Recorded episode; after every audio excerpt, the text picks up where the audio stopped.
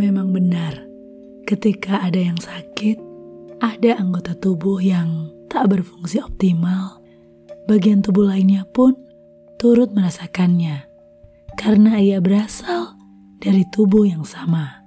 Itu sebabnya, ketika kita sakit, aktivitas kita pun tak maksimal karena mulai kehilangan keseimbangan, sulit berpikir, dan lain sebagainya.